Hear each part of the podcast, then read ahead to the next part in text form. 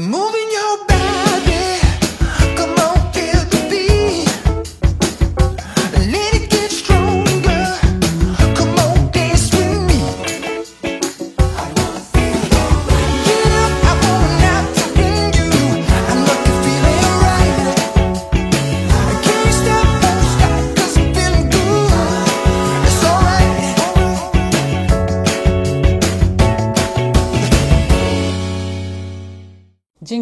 Katarzyna Urbańska. Witam w kolejnym odcinku Okiem Byłej Frankowiczki.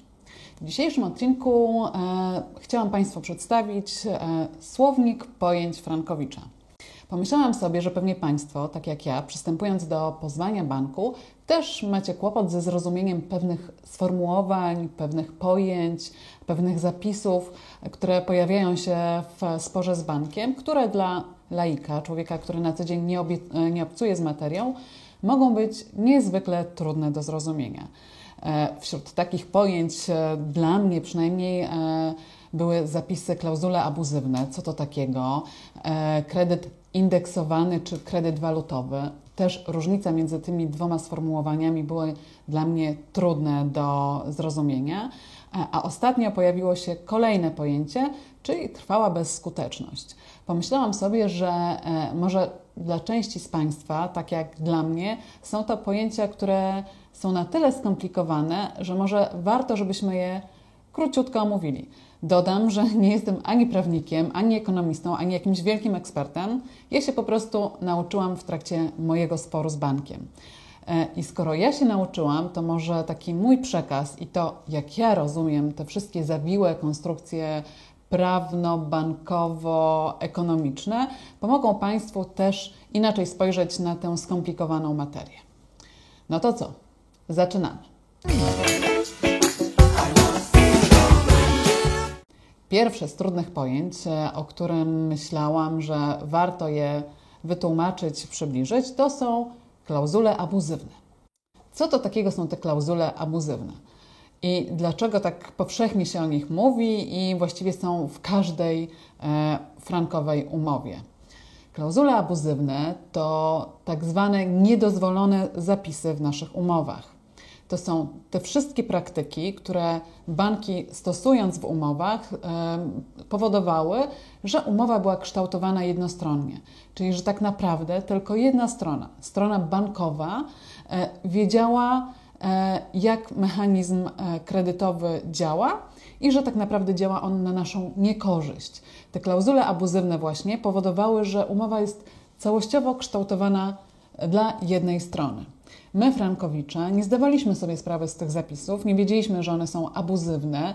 Ta abuzywność dopiero została nam wskazana w drodze właśnie ekspertyz prawnych, opinii prawnych e, i cała lista tych wszystkich klauzul niedozwolonych, e, które pojawiają się w naszych umowach, e, właśnie e, UOKiK zamieścił na swoich stronach internetowych i tak naprawdę tam możemy znaleźć te wszystkie zapisy, które są niedozwolone, a które kształtowały nasze umowy jednostronnie. Także jeżeli szukacie Państwo informacji i chcielibyście sami, zanim spotkacie się z ekspertem, sprawdzić, czy macie w swoich umowach klauzule abuzywne, to cały rejestr tych klauzul niedozwolonych, abuzywnych, kształtujących umowy jednostronne, nie możecie znaleźć na stronie e, właśnie UOKiK-u, także polecam i zachęcam.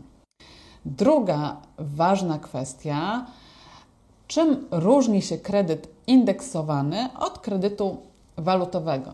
Szczerze, nie miałam pojęcia, czy ja mam kredyt indeksowany, czy kredyt walutowy. Tak naprawdę nikt mi tego w jasny sposób, oczywiście przy zawarciu umowy, nie wytłumaczył. Sporo czasu mi zajęło zrozumienie tych wszystkich właśnie mechanizmów indeksacji, e, waloryzacji walutowych kre- kredytów. E, zajęło, żebym mogła to wszystko jakoś dobrze rozkminić, mówiąc kolokwialnie. No i tak, okazało się, że kredyt indeksowany, czyli taki, który na przykład był w moim przypadku, to jest kredyt, w którym ja w umowie miałam e, kredyt we franku szwajcarskim. Tyle, że ten kredyt został mi udzielony w złotówce, czyli ja nie dostałam e, od banku kredy, e, kredytu we franku szwajcarskim, tylko tak naprawdę dostałam kredyt złotówkowy, który bank sobie nazwał kredytem e, frankowym. E, a ja w umowie faktycznie miałam wpisanego franka szwajcarskiego, ale to był tylko mechanizm, który decydował o tym, że ten kredyt e, jest kredytem właśnie walutowym, chciałoby się rzec, ale walutowym nie był. Czyli jeżeli Państwo macie podpisaną umowę z bankiem, w której macie kredyt we franku szwajcarskim, tymczasem spłacacie do banku złotówki, e, ale tak naprawdę bank sobie później przelicza te złotówki na e, franki, to znaczy, że macie kredyt indeksowany. Kredyt walutowy byłby wtedy, kiedy wyłącznym, wyłączną walutą, z którą byście obcowali e, w komunikacji z bankiem, czyli bank wypłacałby w tej walucie kredyt, a wy w tej walucie byście spłacali, E, i wszystko odbywałoby się mm, e, w walucie obcej, to byłby kredyt walutowy. E, w naszych przypadkach, zazwyczaj w przypadkach frankowiczów, nie było takich kredytów. One się nazywały walutowymi i o tym ryzyku walutowym nam mówiono, ale tak naprawdę cały mechanizm polegał na właśnie obracaniu frankiem szwajcarskim i zamienianiu franka szwajcarskiego w złotówkę. Przy czym właśnie potem pojawiały się różnice kursowe, czyli różnice między kupnem a sprzedażą tej waluty. I teraz tak, e, jeżeli chodzi wciąż o kredyt indeksowany. Oczywiście właśnie tam są ukryte e, te takie elementy przeliczeniowe, czyli te zwane, tak zwane klauzule abuzywne. I teraz banki chciałyby, żeby po usunięciu tych klauzul abuzywnych umowa, czyli tych klauzul niedozwolonych, umowa dalej działała i była e, zgodna z prawem. No tak się nie dzieje, dlatego że po wyeliminowaniu tych niedozwolonych klauzul przeliczeniowych, czyli e, próbie zastąpienia i uporządkowania tej kwestii walutowej w naszych umowach, nie da się odtworzyć prawidłowego stosunku prawnego między stronami. Czyli tak naprawdę E, te umowy wciąż pozostają nieważne, dlatego że zupełnie zmienia się charakter umowy e, i frankowicze nie byliby w stanie, nawet po usunięciu tych niedozwolonych e, klauzul, bezpiecznie korzystać ze swojego kredytu. Obok kredytu indeksowanego i kredytu walutowego pojawia się jeszcze jeden kredyt, którego nazwa pewnie może być dla wielu z Państwa obcą nazwą. To jest kredyt denominowany. Czym jest kredyt denominowany? Mechanizm kredytu denominowanego jest e, całkiem podobny do indeksowanego, z jedną małą różnicą. E, bank, e, w umowie oczywiście mamy franka szwajcarskiego, bank przelicza nam kwotę, o którą wnioskujemy z kredytu złotówkowego na kredyt frankowy i takim mechanizmem, który powoduje, że często ten kredyt denominowany był nieco niższy od kredytu indeksowanego, polegała na różnicy e, w kursie walut. Czyli często po tym, jak wnioskowaliśmy o określoną kwotę kredytu, mogło się okazać, że po zastosowaniu metod przeliczeniowych, czyli tej takiej kantorowej zasady kupna-sprzedaży, okazywało się, że dostaniemy mniej niż potrzebujemy na naszą nieruchomość. Tutaj banki zazwyczaj informowały o tym, że ten kredyt e, denominowany powoduje o takiej e, możliwości, e, ale nie była to częsta praktyka i nieczęsto się zdarzała, także to jest właściwie główna różnica między kredytem takim indeksowanym a kredytem denominowanym do e, franka szwajcarskiego. Kolejnym ważnym pojęciem jest akcesoryjność. Co to jest takiego akcesoryjność w umowie? To jest naprawdę potężna e, dawka wiedzy i naprawdę słownik, który Państwu się przyda. Ta akcesoryjność, czyli e, wpis do hipoteki, to jest taki mechanizm, który pozwalałby bankowi w razie niespłacania przez nas e, naszego zobowiązania kredytowego przejąć po prostu naszą hipotekę, czyli nasze mieszkanie, co często wiązałoby się z tym, żebyśmy stracili prawa do naszej nieruchomości.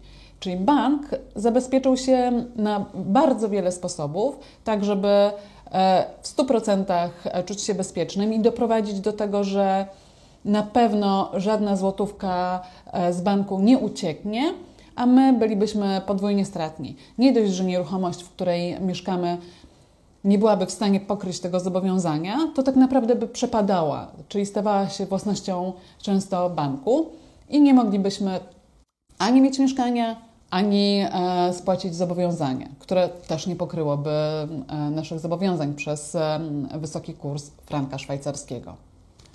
Banki często w naszych sporach, czyli w, na drodze już postępowania prawnego, zarzucają frankowiczom próbę bezpodstawnego wzbogacenia się. Ja się trochę śmieję, że gdybym miała tak naprawdę jeden do jednego mm, myśleć sobie jako laik, oczywiście o bezpodstawnym wzbogaceniu się, to spojrzałabym raczej e, w kierunku banków, dlatego że banki każdego dnia zarabiają krocie na tych wszystkich frankowiczach, którzy jeszcze nie zdecydowali się na pozwanie banku, dziś wiedząc już, że klauzule w tych umowach są niedozwolone. Kto się tu bezpodstawnie wzbogaca? Czy naprawdę frankowicze, którzy idą walczyć o swoje, czy banki, które, którzy, które cały czas korzystają e, z pieniędzy udostępnionych frankowiczom? Tutaj ja bym się mocno zastanawiała. Oczywiście nie jestem ekspertem i oczywiście wszystko ma się odbywać w ramach prawnych, ale to bezpodstawne wzbogacenie często pojawia się w sporze z bankiem.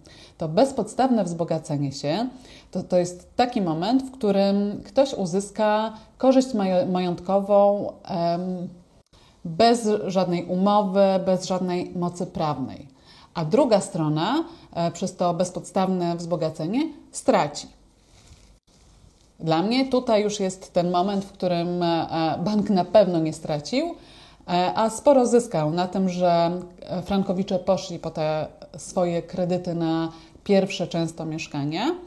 No ale cóż, tę kwestię mm, na korzyść frankowiczów oczywiście rozstrzygają e, sądy. Także nie ma tutaj mowy o bezpodstawnym wzbogaceniu się, czyli uzyskaniu korzyści majątkowych w wyniku um, utraty drugiej strony.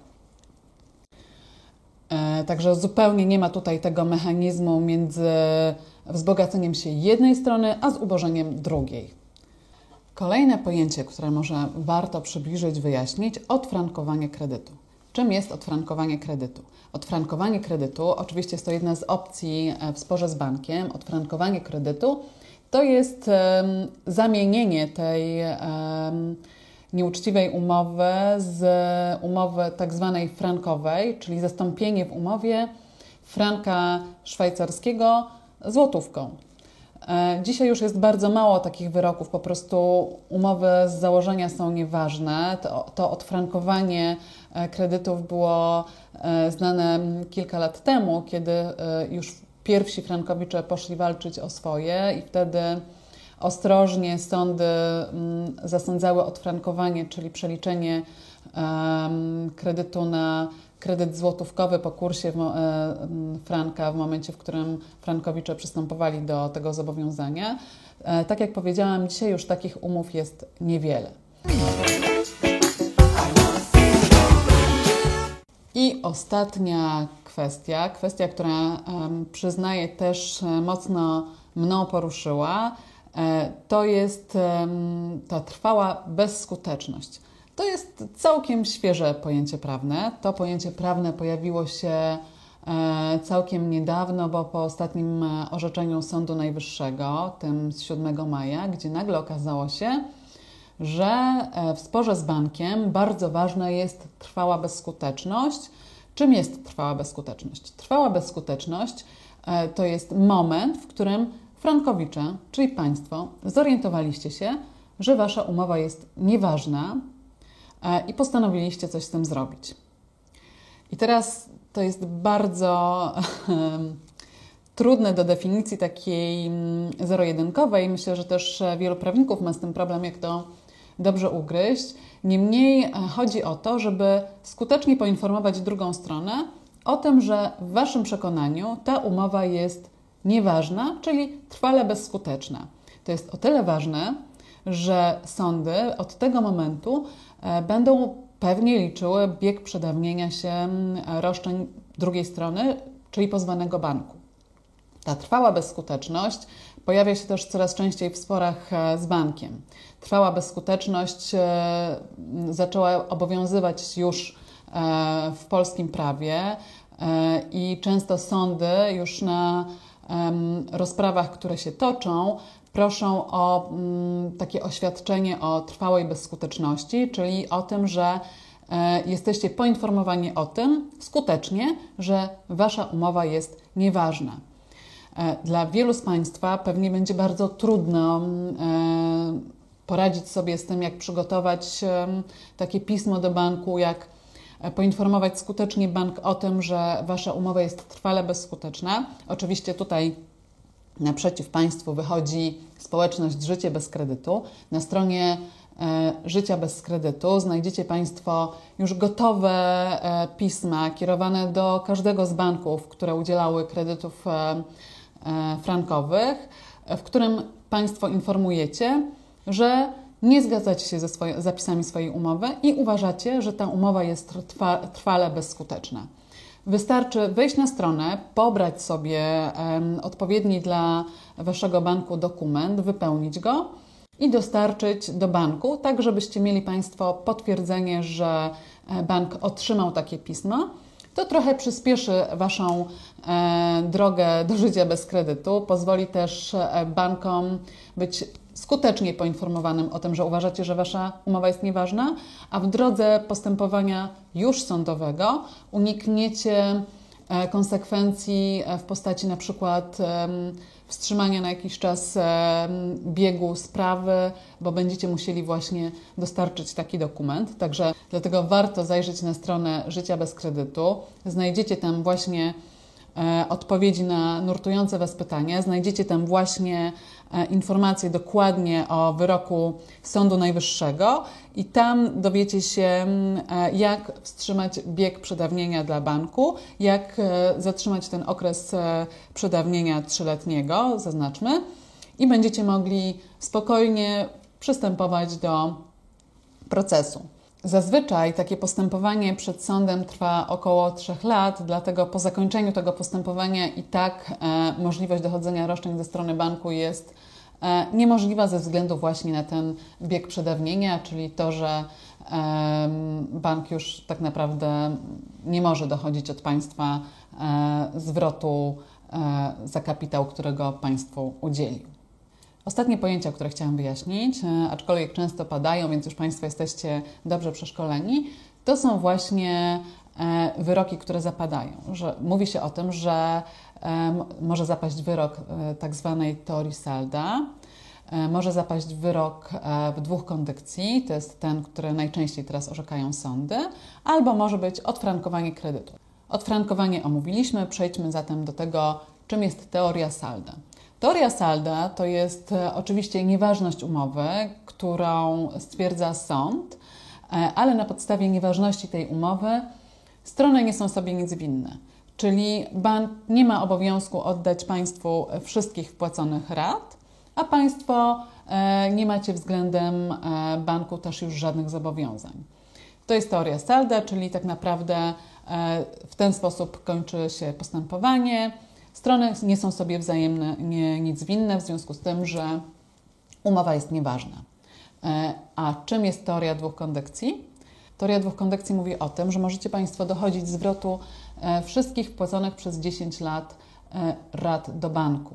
Czyli wszystkie pieniądze, które przez ostatnie 10 lat wpłacaliście na poczet spłaty kredytu, które często nie było spłatą kredytu, bo cały czas Państwo nie dogonialiście tego, tej możliwości spłaty, musi bank Wam oddać.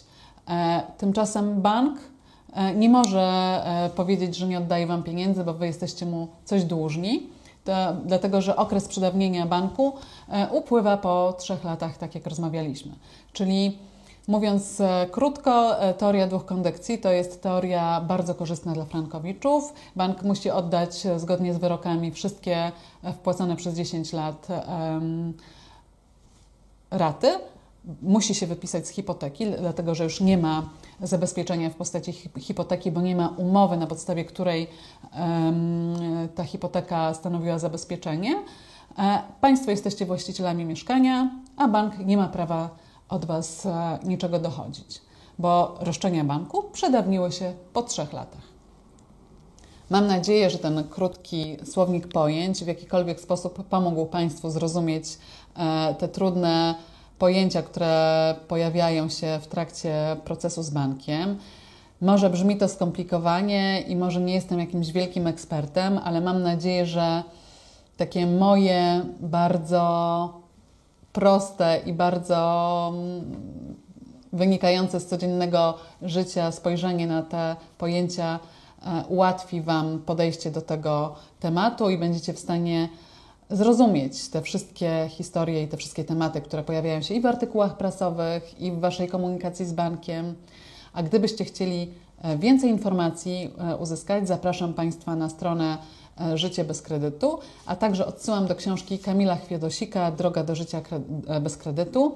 Tam te wszystkie informacje, a także właśnie słownik pojęć Frankowicza znajdziecie i będziecie mogli spokojnie przystępować do swoich spraw frankowych i spokojnie oczekiwać na korzystne dla Was rozwiązania prawne. Także dziękuję serdecznie za dzisiejsze spotkanie. Do zobaczenia.